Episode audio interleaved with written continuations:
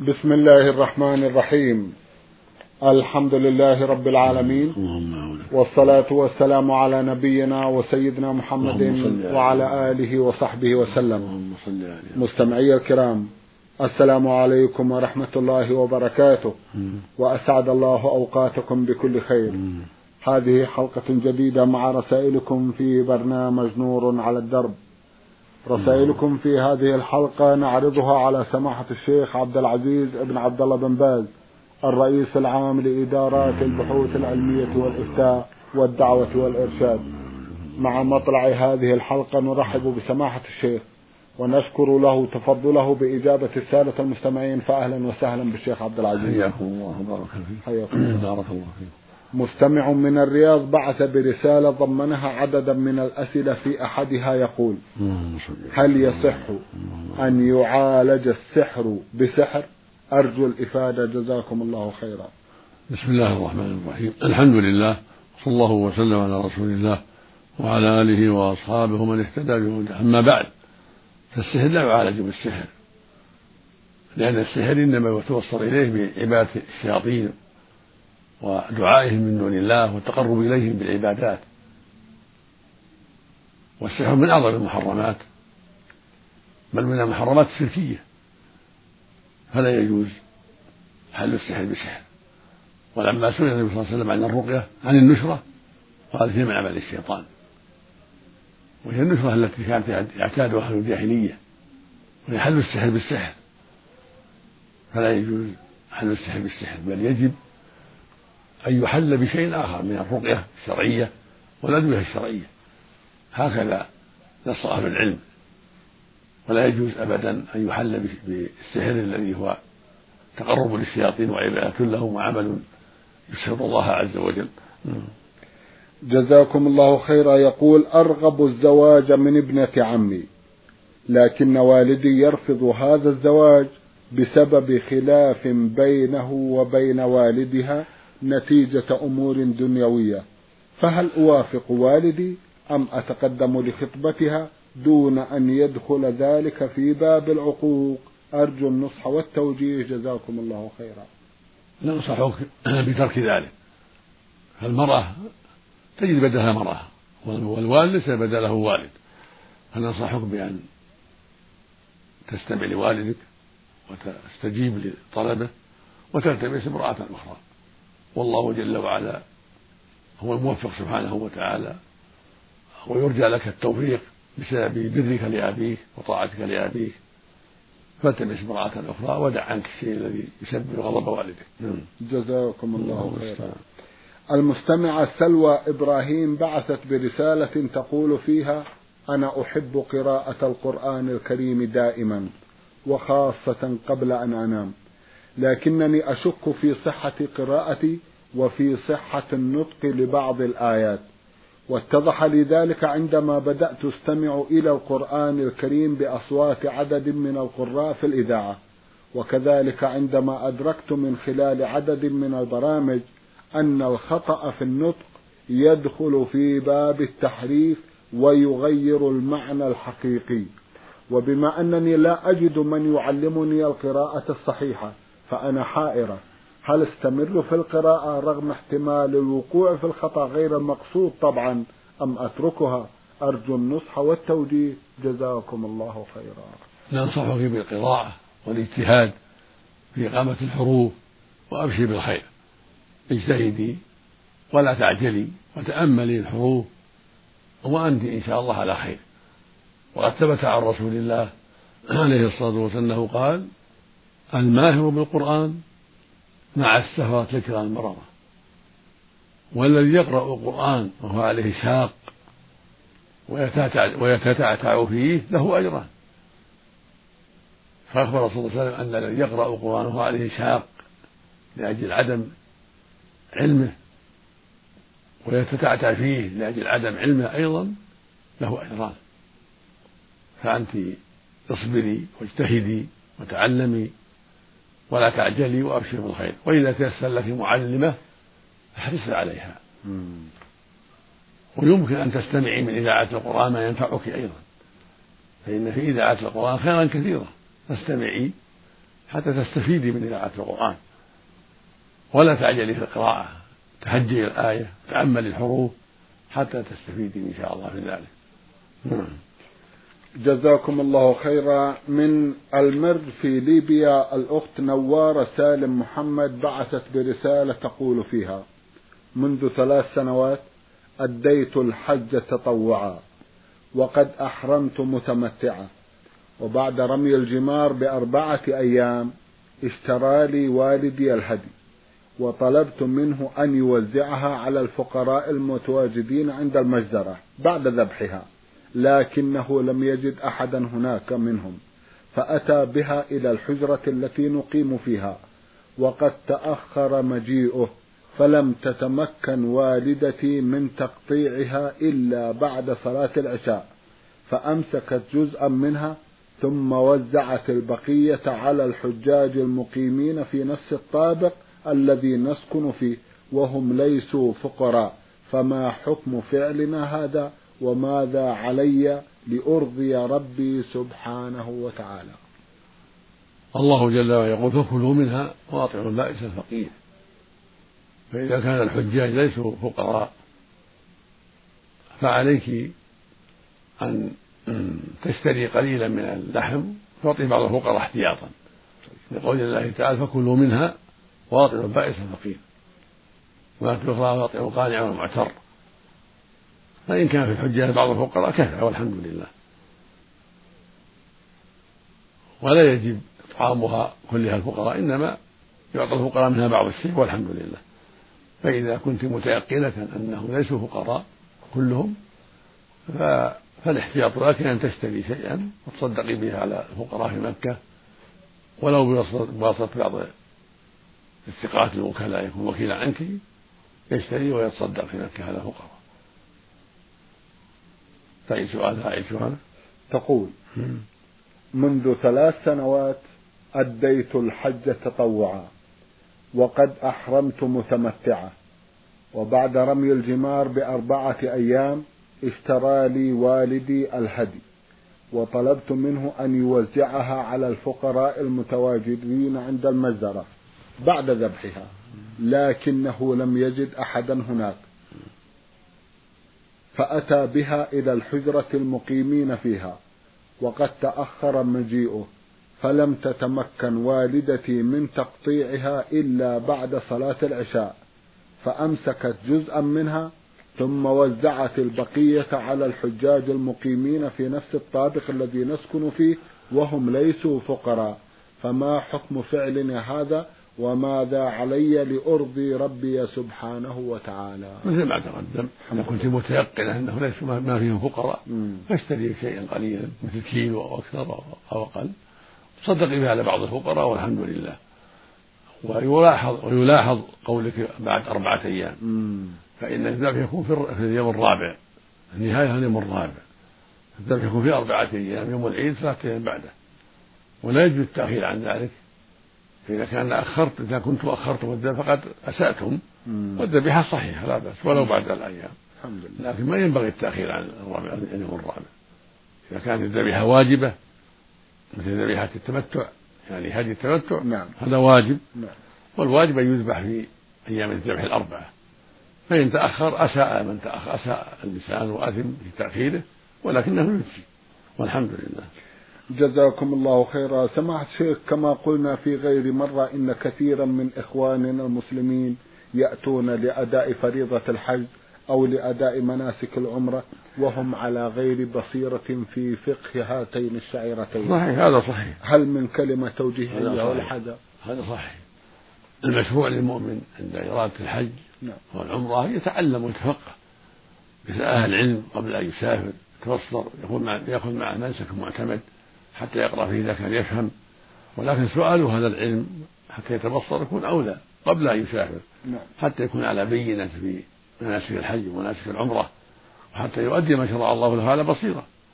والله يقول جل وعلا فاسألوا أهل الذكر إن كنتم لا تعلمون. ويقول عليه الصلاة والسلام في الحديث الصحيح من يريد الله بخيرا يفقهه في الدين. ويقول صلى الله عليه وسلم من سلك طريقا يلتمسه في علما سهل الله له به طريقا الجنة. فالمؤمن يتعلم والمؤمنة تتعلم هكذا ينبغي قبل الحج وقبل العمرة. بسؤال أهل العلم في بلاده عن أحكام المناسك عن ماذا يفعل في حجه ماذا يفعل في عمرته. ويكون منسكا معتبر من الناس يقرأوه أو يقرأه بعض رفقته يتبصرون فيه ويسألون يسأل بعضهم بعضا ويتعلمون. إذا كان فيهم قارئ قرأه عليهم وتدارسوا ما في منسك. واستفادوا. نعم. جزاكم الله خيرا. تقول أختنا في رسالتها في كل عام تأتيني هدايا بمناسبة عيد المعلم من بعض الطالبات. إيش في كل عام قبل تأتيني قبل قبل هكذا. انتهى السؤال الأول. هذا سؤال آخر. نعم. تقول في كل عام تأتيني هدايا بمناسبة عيد المعلم من بعض الطالبات. والحقيقة أنني لا أدري عن حكمها فأرجو إفادتي. بارك الله فيكم. ليس له أصل. عيد المعلم ليس له أصل. ما للناس إلا أعياد معروفة. عيد الفطر وعيد الأضحى وأيام أيام من أيام عيد ويوم عرفة يوم عيد. المسلمين اجتماع للمسلمين أما عيد المعلم أو عيد الولد إذا جاء ولد الإنسان يجعل عيد مولد على رأس السنة أو على رأس كل سنة كل هذا لا أصل له. ما في أعياد لا موالد ولا غير موالد. الأعياد الشرعية معروفة عيد الفطر وعيد الأضحى وما يتبعه من أيام التشريق ويوم عرفة لأن يوم حج عظيم وفيه مجمع مجمع الناس والعيد ما ما يعود ويتكرر بالشهر أو بالساعة أو بالأسبوع أو بالسنة. فالمسلمون لهم أعياد معروفة عيد الفطر وعيد الأضحى وأيام التشريق وما يكون في ذلك من الأعمال. ويوم عرفة لأنه يوم اجتماع الناس للحج هذه أعياد المسلمين فجاء العيد غير ذلك لمولد ابنه أو عيد المعلم أو المعلمة هذا لا أصل له بل تعتبر من البدع. نعم. إذا الأعياد التي تقدم في هذه المناسبة في مناسبة عيد المعلم. هل لا تأخذها؟ لا تقبلها. الهدايا لا تقبليها والنبي يقول لهم ليس لا, لا, لا, يصلح, لا يصلح هذا. ولا ينبغي أن يوجد عيد للمعلم. نعم. جزاكم الله خيرا. إذا الهدايا في مثل هذا تكون بمثابة الرشوة؟ ما يصلح. لا تصلح. لأن إحياء لعيد منكر. وتقرير له. تقول في آخر سؤال لها هل يجوز أكل ذبيحة الشخص الذي لا يصلي علما بأنه يذكر اسم الله عليها عند الذبح. لا ما لا يصلي؟ لا تقبل ذبيحته على الصحيح لأن الصحيح من أقوال العلماء أن تارك الصلاة يكون كافرا كفرا أكبر. فلا تحل ذبيحته إذا ذبحها بيده ولا سمى لأنه يعتبر مرتدا عن الإسلام نسأل الله العافية. والله إنما أباح ذبيحة أهل الكتاب اليهود والنصارى لأنه عندهم أصل دين. ولكنهم لم يتبعوا محمد عليه الصلاة والسلام. فجعل الله لهم ميزة خاصة في بحث ذبائحهم ونسائهم المحصنات. فقط. أما غيرهم من الكفرة فلا تحل ذبيحته لا المجوسي ولا الوثني ولا تارك الصلاة ولا الذي يسب الدين ويسب الإسلام. كل هؤلاء لا تقبل ذبائحهم لأنهم كفار مرتدون. نسأل الله العافية. نعم نعم. جزاكم الله نسأل الله العافية. نعم المستمع عين قاف عين من اليمن بعث برسالة يقول فيها كنت أصلي وفي فمي بعض الوقات خاصة صلاة العصر. وقد سمعت بأن هذا جائز لكني رأيت في منامي أن والدي كان يصلي وأردت أن أصلي معه وكان في فمي شيء من القات فتوضأت وعندما كنت أتمضمض لأتخلص من القات كان ماسكا في فمي يأبى الخروج رغم محاولاتي المتكررة فقمت من نومي وأنا على هذه الحالة ولا أدري هل صلاتي السابقة صحيحة أم لا وإذا كانت غير صحيحة فماذا يجب علي عمله؟ وجهوني جزاكم الله خيرا. هذه الرؤيا فيها موعظة تحذير من أوقات وأوقات فيما بلغنا وعلمنا من الثقات من علماء اليمن وغيرهم أنه لا يجوز استعماله لما فيه من الأضرار الكثيرة والتخدير فلا يجوز استعمال القاتل لأن مضاره كثيرة فالواجب الحذر منه وعدم استعماله وعدم بيعه وشرائه وإذا كنت تصلي فلا يكون في فمك من شيء منه شيء. لا تبقي في الفمس من شيء لأنك إذا أبقيته ربما ابتلعت منه شيء والأكل في الصلاة يبطلها. والشرب كذلك فالواجب عليك أن تلقيه من فمك وقت الصلاة. وإذا كنت فعلت ذلك في بعض الصلوات حتى ابتلعت منه شيء أو ابتلعت طعما منه فإنك تعيد تلك الصلاة التي ابتلعت منها ابتلعت فيها القات.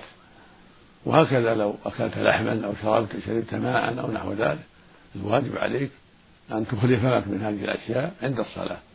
حتى تكون متهيئا للصلاة ليس في فمك شيء يشغلك. عن الصلاة ولا شيء يسبب ابتلاعك إياه وأكلك إياه وشربك إياه. والقات من أخبث ما يتعاطاه الناس لما فيه من مضرة وهكذا الدخان وهكذا جميع المسكرات والمخدرات يجب الحذر منها. فالمؤمن يحذر ما حرم الله عليه ويبتعد عن كل ما يضره. نسأل الله للجميع الهداية. اللهم آمين. جزاكم الله خيرا. المستمع ميم عين حا من العراق بعث برسالة يقول فيها أملك معملا لصناعة الكرتون وأضع نقودي وحساباتي في البنك بدون فوائد. أعيد أعيد يقول أملك معملا لصناعة الكرتون وأضع نقودي وحساباتي في البنك بدون فوائد وأحتسب الزكاة كما يلي. أفترض أن رأس المال عند بداية العمل ستة ألاف دينار وعند نهاية السنة أصبح مثلا ستة عشر ألف دينار فأقوم بحسم رأس المال وأزكي على عشر آلاف دينار. فهل هذا صحيح أم لا؟ لا تعد يقول أملك معملا لصناعة الكرتون. وأضع نقودي وحساباتي في البنك بدون فوائد. وأحتسب الزكاة كما يلي. أفترض أن رأس المال عند بداية العمل ستة آلاف دينار. وعند نهاية السنة أصبح مثلا ستة عشر ألف دينار. فأقوم بحسم رأس المال وأزكي على عشر آلاف دينار. فهل هذا صحيح أم لا؟ إذا كنت تريد رأس المال الأدوات التي تشتغل فيها وتعمل بها فهذه لا زكاة فيها. وإنما الزكاة في المال المعد للبيع من أو النقود الموجودة. النقود الموجودة والمال المعد للبيع هذا هو محل الزكاة. فإذا كانت النقود الموجودة والأدوات المعدة للبيع بلغت عشرة آلاف. والأدوات التي للعمل لا للبيع. قيمتها ستة آلاف لا زكاة فيها. فإذا كنت أردت هذا فلا زكاة في أدوات العمل. من جميع الأدوات التي تستعملها في هذا المعمل. لأنها ليست للبيع وإنما هي للعمل. فما كان للعمل فليس فيه زكاة. وما كان للبيع فهو الذي فيه الزكاة جزاكم الله خيرا. يقول المواد الأولية غير المصنعة. هل عليها زكاة؟ أم أن الزكاة لا تجب عليها إلا بعد تصنيعها وبيعها. إيه؟ المواد الأولية غير المصنعة. هل عليها زكاة؟ أم أن الزكاة لا تجب عليها إلا بعد تصنيعها وبيعها. هذه المواد الأولية ما ما فهمناها كما ينبغي. المواد الأولية ما ما المراد في المواد الأولية؟ إذا كنت أردت بها مواد للبيع وأنها هي الأساس للبيع تباع هذه فيها الزكاة. أما إذا كان مواد أولية تبقى في المعمل ويستعان بها في المعمل ولا تباع. قد تقدم أنها لا زكاة فيها. هذا يحتاج إلى تفسير منك أنت. فالمواد الأولية إن كانت للبيع ففيها الزكاة. فإن كانت للاستعانة بها في عمل المعمل وليست للبيع فلا زكاة فيها. هي للبيع بعد تصنيعها. نعم. هي للبيع بعد تصنيعها. إذا صنعها وأعدها للبيع يزكيها قيمة يزكي قيمتها. إذا كانت هكذا نعم. فالمواد التي اشتراها ليبيعها نعم. إذا يصنعها مثلا قدوم ليصنعها كذا يقدر يعرف قيمتها عند تمام الحول ويزكيها طيب. لأنها معدة للبيع. إذا كان اشتراها سواء كان من حديد أو من أي أي مادة من المواد نعم. إذا كان أراد بها البيع فإنه يقدر قيمتها عند تمام الحول هذا التساوي ثم يزكيها عند تمام الحول لأنها حينئذ عروض تجارة. أيوة. نعم. جزاكم الله خيرا. الديون هل تدفع عنها الزكاة أم لا؟ الديون فيها تفصيل إن كانت على معسرين.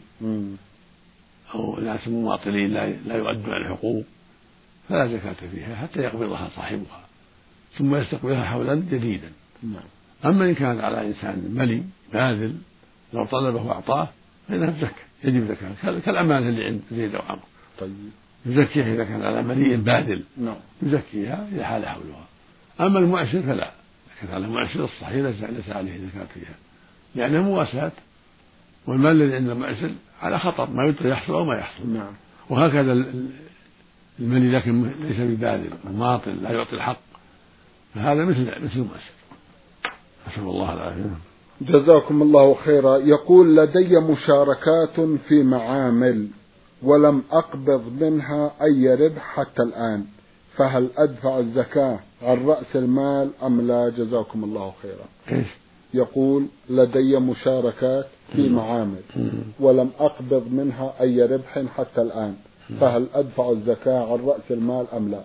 كأنه مساهم هذه المشاركة تحتاج إلى إن كانت مساهمة نعم. في المعمل فالزكاة في المعد من البيع المعد للبيع. أما إذا كانت مساهمة في المعمل في الأدوات التي تستعمل في المعمل ويستعان بها في المعمل وليست للبيع فأنت شريك فيما يباع. إذا تمت الشركة بينكما على أنكما مشتركان في الأدوات وفي النتائج وما يباع فالشركة الزكاة عليكما جميعا فيما يباع. وما كان معدا للبيع من مالك أو مال الشريك الآخر كذلك يقدر عند تمام الحول ويزكى. أما ما كان للمعمل يبقى في المعمل وليس مما يعد للبيع منك ومن غيرك بل هذه أشياء تبقى في المعمل فهذه أصول وأسس ليس فيها زكاة.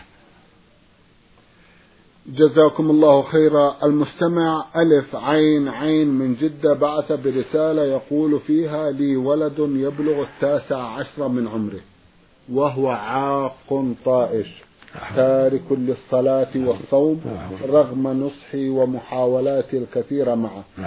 وأنا أبلغ الخامسة والستين من العمر وقد يئست منه فهل يصح لي أن أوصي بحرمانه من الميراث وأن أجعل نصيبه لإخوانه أو لبيوت الله أو لأي عمل آخر من أعمال البر أم أن علي إثم في ذلك؟ أرجو النصح والتوجيه. جزاكم الله خيرا. إذا كان الواقع ما ذكرت فليس له إرث الإرث لغيره. أما هو ليس له الإرث وإذا أوصيت بالواقع وأنه ليس بمصلي أخبرت أنه لا يصلي وأن الواجب حرمانه من الإرث فلا بأس بذلك من باب الإخبار. وإذا كان له خصومة يتصل المحكمة أما أن تبين الذي عندك تنصح لله وتبين الذي عندك. إذا كان لا يصلي فلا إرث له. ولا مانع من أن توصي بأنه لا يعطى إرثا لأنه لا يصلي. حتى يكون ذلك تنبيها للورثة وللحاكم إن كان الحاكم إن كان الشخص له خصومة بعد وفاته. جزاكم الله خيرا. المستمع عين سين من محافظة الأنبار في العراق بعث برسالة يقول فيها أريد الزواج من ابنة خالتي علما بأنني رضعت مع أخيها الأكبر وأختي الصغرى رضعت معها فهل تصح لي أم لا؟ أعد. يقول أريد الزواج من ابنة خالتي علما بأنني رضعت مع أخيها الأكبر وأختي الصغرى رضعت معها فهل تصح لي أم لا؟ ما دمت رضعت مع أخيها الأكبر من أمها فلا تصح لك. تكون أخو تكون أختا لك. إذا كان الرضاع خمس رضعات أو أكثر في الحولين وأنت في الحولين. فإن خالتك تكون أما لك بهذا. وتكون ويكون أولادها إخوة لك. إذا كان الرضاع خمس رضعات أو أكثر في الحولين. نعم. جزاكم الله خيرا. المستمع البشري بعث برسالة يقول فيها أنا متزوج ولي خمسة أطفال وأعمل في إحدى القطاعات وظروف هذا العمل تجبرني على ترك زوجتي وأطفالي بصفة دائمة في مدة تزيد على السنة لا أزورهم فيها علما بأن زوجتي راضية لارتباط الأطفال بالمدارس. إلا أنني أحس بحرج شديد من هذا التقصير في حقها. فهل علي إثم في هذا؟ أرجو الإفادة. جزاكم الله خيرا. ليس عليك إثم والحمد لله. ما دامت راضية بذلك فالحمد لله. جزاكم الله خيرا. الله المستعان من بني غازي في ليبيا رسالة وصلت إلى البرنامج من إحدى الأخوات رمزت إلى اسمها بالحروف حارة.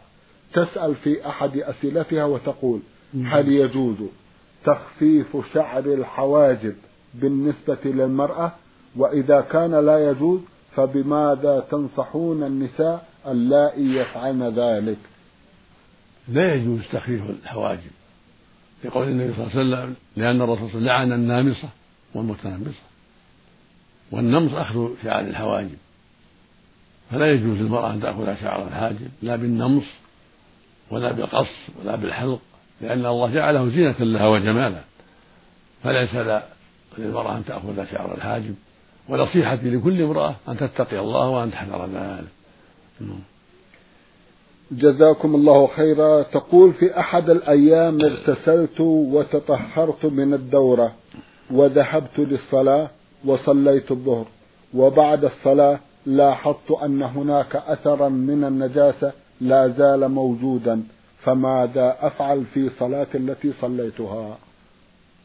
إذا كنت رأيت الطهارة واغتسلت فالصلاة صحيحة. ثم ما رأيت من الدم. بعد ذلك يكون دم كبعد الحيض لا تصلي حتى يزول. ما دام موجودا فامسك عن الصلاة وعن الزوج يمسك عن الجماع إذا كان له زوج حتى تطهري. أما إن كان رأيت صفرة وكدرة فهذه لا عمل عليها. تعتبر كالبول توضئي لكل صلاة ما دامت الكدرة معك والصفرة وصلاتك صحيحة وصيامك صحيح إذا صمت وتحلي لزوجك في الصفرة لا تمنع. قالت أم عطية رضي الله عنها الصحابية الجليلة كنا لا نعد الصفرة والكدرة بعد الطهر شيئا كما يقع المرأة بعد الطهر من الصفرة والكدرة لا يعتبر بل هو كالبول تصوم وتصلي معه وتوضأ لكل صلاة. إلا إذا كانت الصفرة والكدرة في زمن العادة في زمن الحيض في زمن النفاس فإنها تعتبر. أما إذا كانت بعد الأربعين في النفاس أو بعد ذهاب العادة بعد الطهر من العادة فلا تعتبر بل تعتبر شيئا لاغيا كالبول. جزاكم الله خيرا. تقول أنا أريد أن أصوم يوما بعد يوم لمدة شهر كامل لكن إذا حدث وأنا أفطرت هل أقضيها كما كنت أصومها أو كيف؟ أي. تقول إنني أريد أن أصوم شهرا كاملا يوما بعد يوم. لكن إذا قدر لي أن أفطر هل يكون القضاء على هيئة الصيام أم كيف؟ هذا نافلة ما دام هو نذر. نعم. هذا نافلة. إذا أفطرت لحاجة فلا بأس هو لازم الإنسان إذا عزم على يصوم يوم ويفطر يوم أو الاثنين والخميس فليس بلازم. إذا أفطر في بعض الأحيان لا حرج عليه ولا يلزمه قضاء. أما إذا كان نذر نذر أن يصوم يوم ويفطر يوم فإنه إذا أفطر أكثر من يوم يقضي يقضي ما أفطره حتى يكمل نذره.